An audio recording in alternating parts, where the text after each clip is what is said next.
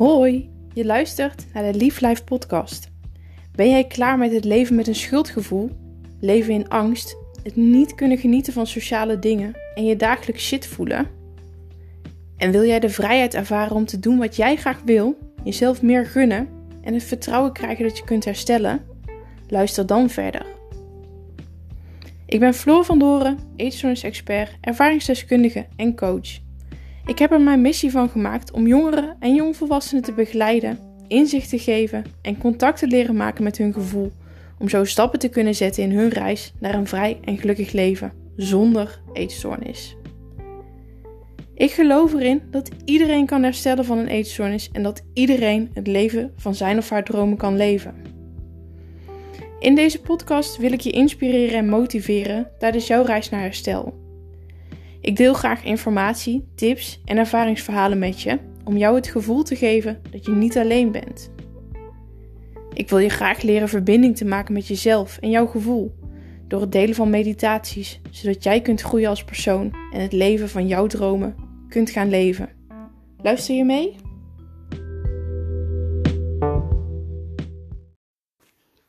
Lieve jij, dank je wel dat je de tijd neemt om te luisteren naar de eerste aflevering van de Lief Life podcast, waarin ik je vandaag graag meeneem in mijn verhaal. Ik merk dat ik het onwijs spannend vind om dit met je te delen, ondanks dat het niet de eerste keer is dat ik mijn verhaal deel. Nou ja, waar die spanning vandaan komt, het doet er eigenlijk ook niet toe. Die spanning die is er, die spanning die mag er zijn. Het is helemaal oké. Dus, met de spanning die er op dit moment is, wil ik je meenemen in mijn verhaal om je te inspireren en te motiveren. Ik hoop dat je herkenning vindt. Laten we beginnen. Ik ben Floor van Doren, 26 jaar en woon samen met mijn hond Morris in het altijd gezellige Brabant. Ik ben op 21 september geboren in het warme en kleurrijke Curaçao. Een omgeving die voor veel mensen een positief gevoel oproept. Een heerlijke vakantie, een gevoel van vrijheid, de brandende zon op je huid en het geluid van de zee klotsend tegen de rotsen. Helaas was het voor mij een omgeving die een gevoel van eenzaamheid en onveiligheid veroorzaakte. Toen mijn ouders gingen scheiden, ben ik samen met mijn moeder naar Nederland verhuisd. Ik ben gestart op de basisschool en ik was dagelijks slachtoffer van pesterijen. Hierdoor heb ik geleerd dat ik niet goed ben zoals ik ben. Dat uiterlijk heel erg belangrijk is en dat ik moet handelen naar de verwachting van anderen om zo pijn te voorkomen. Ik heb geleerd mezelf sensitief op te stellen, om zo alle signalen uit mijn omgeving op te pikken en hierop in te spelen. Om anderen niet tot last te zijn en de sfeer goed te houden. Ik heb geleerd mezelf in iedere situatie aan te passen aan datgene wat van mij verwacht wordt. Vriendinnen noemen mij dan ook wel een chameleon. Iets wat ik nu kan omarmen, maar wat mij lange tijd in de weg gestaan heeft. Enkele jaren nadat mijn ouders uit elkaar gingen, kregen beide een nieuwe partner. Dit vond ik in het begin heel erg lastig. Maar later werd de vriendin van mijn vader een rolmodel voor me. Door de manier waarop zij in het leven stond. Dit was zo inspirerend. Ze accepteerde zichzelf om wie ze was en straalde perfectie uit, zelfs met haar imperfecties. Ik trok veel met haar op en had het gevoel dat we een soort van vriendinnen waren. Voor het eerst durfde ik mezelf open te stellen en kon ik steeds vaker mezelf zijn, zonder dat ik me direct aan zou passen aan mijn omgeving. Ze creëerde voor mij veiligheid en een gevoel van verbondenheid. Niet veel later ontving ik het nieuws dat ze ongeneeslijk ziek was. Dit sloeg in als een bom.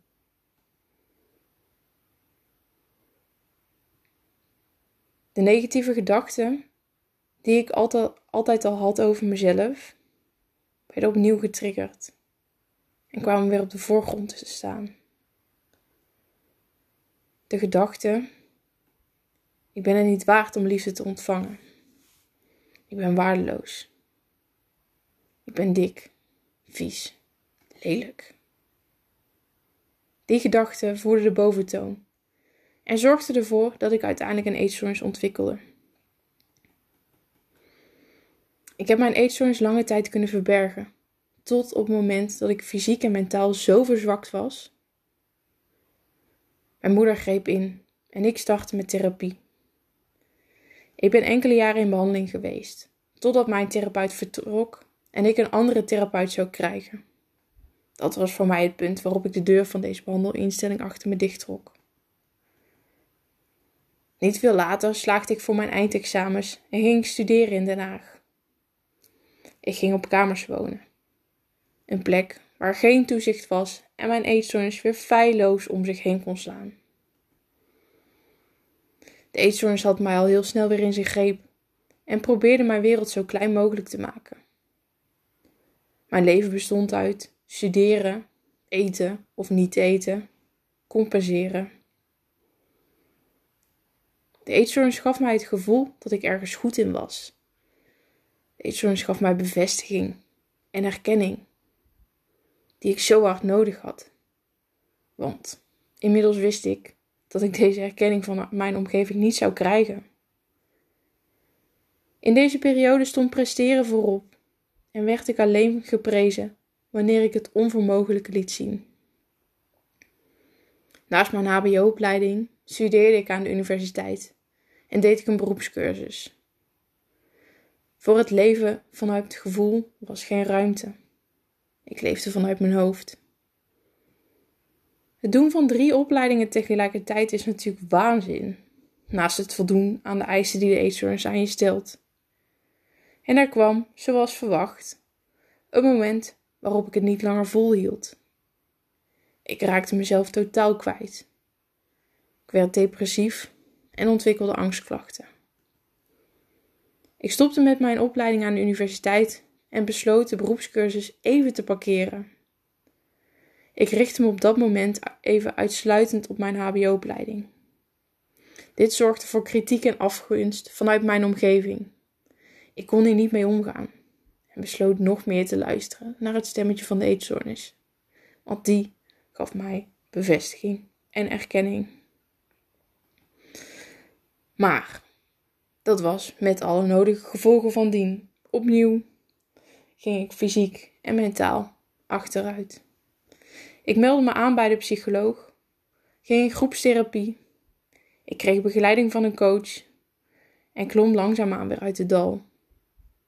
Ik slaagde voor mijn HBO-opleiding en stapte in het werkende leven als diëtist. Hoe ironisch ook.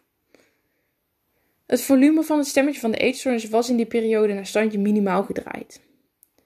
Ik dacht eigenlijk hersteld te zijn van mijn eetstoornis en geen last meer te ervaren van deze eetstoornis. Uh, dit gaf me rust, maar bracht ook veel vragen met zich mee. Want wanneer ik niet meer hoefde te voldoen aan de eisen van de eetstoornis, die me voldoening gaven wanneer ik erin slaagde, hoe moest ik dan voldoening en erkenning krijgen? Ik besloot me volledig op mijn werk te richten, pakte de beroepscursus weer op en haalde hier voldoening uit en kreeg van collega's en cliënten erkenning. Ik had het gevoel dat ik de wereld aankon en besloot drie jaar geleden een nieuwe HBO-opleiding te starten. Dat verliep voorspoedig, moedigde me aan en enthousiasmeerde me. Ik wilde meer doen met de nieuwe kennis die ik had opgedaan en besloot twee jaar geleden voor een carrière switch te gaan. Ik liet de diëtetiek achter me en startte in de jeugdzorg. Een flink uitdagende werkomgeving waar ik veel voldoening uit kon halen. Die voldoening die leek een soort van verslaving. En kon ik alleen halen uit externe dingen. Door het harde werken en andere aspecten. Maar goed, daar zat een keerzijde aan.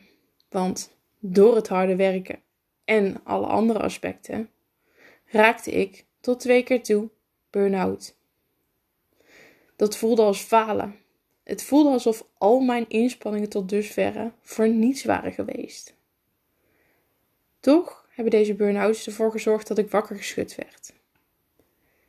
Ik besefte me dat ik nauwelijks eigenwaarde had. Dat ik slecht voor mezelf zorgde. En dat ik alles wat ik zelf keihard nodig had, alleen maar aan een ander gaf. Ik liep mezelf voorbij in alles wat ik deed. Maar waarom deed ik dat? Samen met mijn therapeut ben ik op zoek gegaan naar antwoorden. We kwamen erachter dat de eetstoornis in een hoekje nog heel hard aan het roepen was. Maar dat de aanwezigheid van zijn of haar stem zo normaal voor me geworden was, dat ik me er niet meer bewust van was. Ik had het gevoel dat het stemmetje van de eetstoornis mijn eigen gedachten waren en dat ik geen keuze had of ik wel of niet luisterde. Ik luisterde ernaar, punt. Ik handelde ernaar, punt. Uiteindelijk heeft dit inzicht ervoor gezorgd dat ik mogelijkheden zag om te veranderen. En dat ik mij mijzelf steeds vaker af begon te vragen: wat nou als het ook anders kan? Ik besloot me te richten op persoonlijke ontwikkeling en spiritualiteit. Ik kwam steeds meer in contact te staan met mijn gevoel. Ik durfde voor het eerst naar binnen te keren. En ik durfde mijn gevoel er te laten zijn. Iets wat doodeng is, en iets wat. Ja, ik weet het niet. Ik vond het vreselijk om dat toe te laten. Ik dacht ook dat ik het niet kon, dat het me zou overspoelen, dat ja, ik eraan onderdoor zou gaan. Maar toch, samen met mijn therapeut, heb ik dat gevoel toe kunnen laten. Onder begeleiding. Met haar vertrouwen dat het goed zou komen.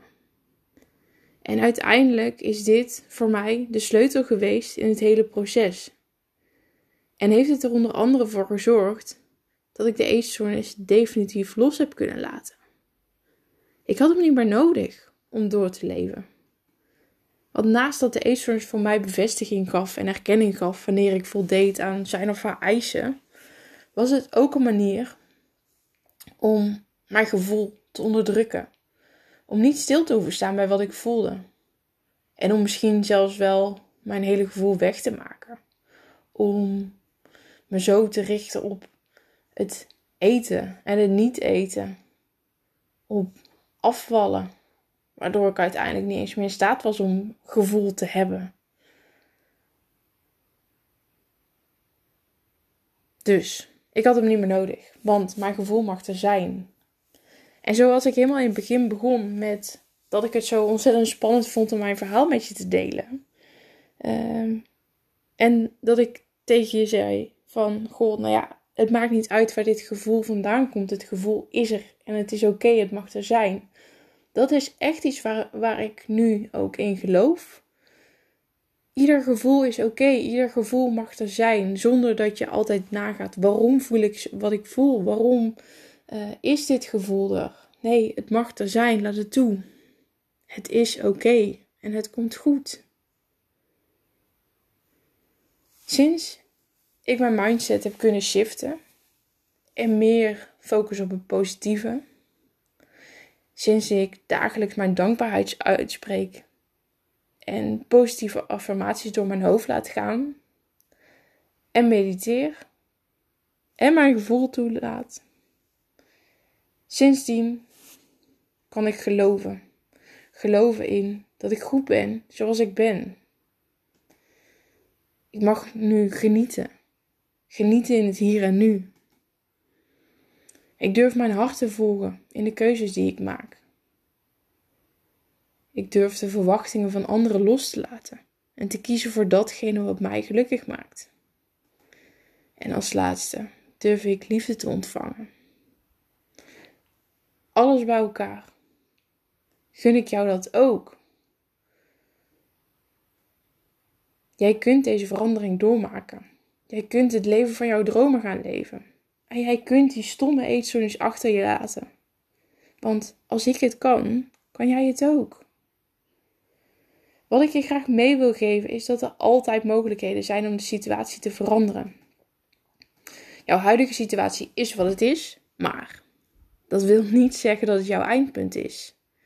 Jij kunt jouw verhaal herschrijven. Jij hebt controle over hoe je kiest dat je je voelt. Je hebt altijd een keuze om jouw situatie te veranderen. Ga ervoor. Want je bent het waard om het leven van jouw dromen te leven. Jij kunt dit.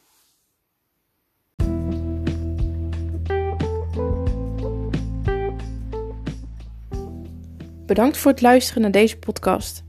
Ik hoop dat ik je heb kunnen inspireren en motiveren en dat ik je het gevoel heb kunnen geven dat je niet alleen bent. Wanneer je deze aflevering leuk vond, zou je dan één ding voor mij willen doen? Maak een screenshot van deze aflevering en deel via jouw social media kanaal dat je luistert en tag mij in je bericht. Zo help je mij om een groter bereik te krijgen, waardoor ik meer mensen kan helpen, kan inspireren en kan motiveren tijdens hun reis naar herstel. Ik wens je een hele fijne dag. Maak er wat moois van.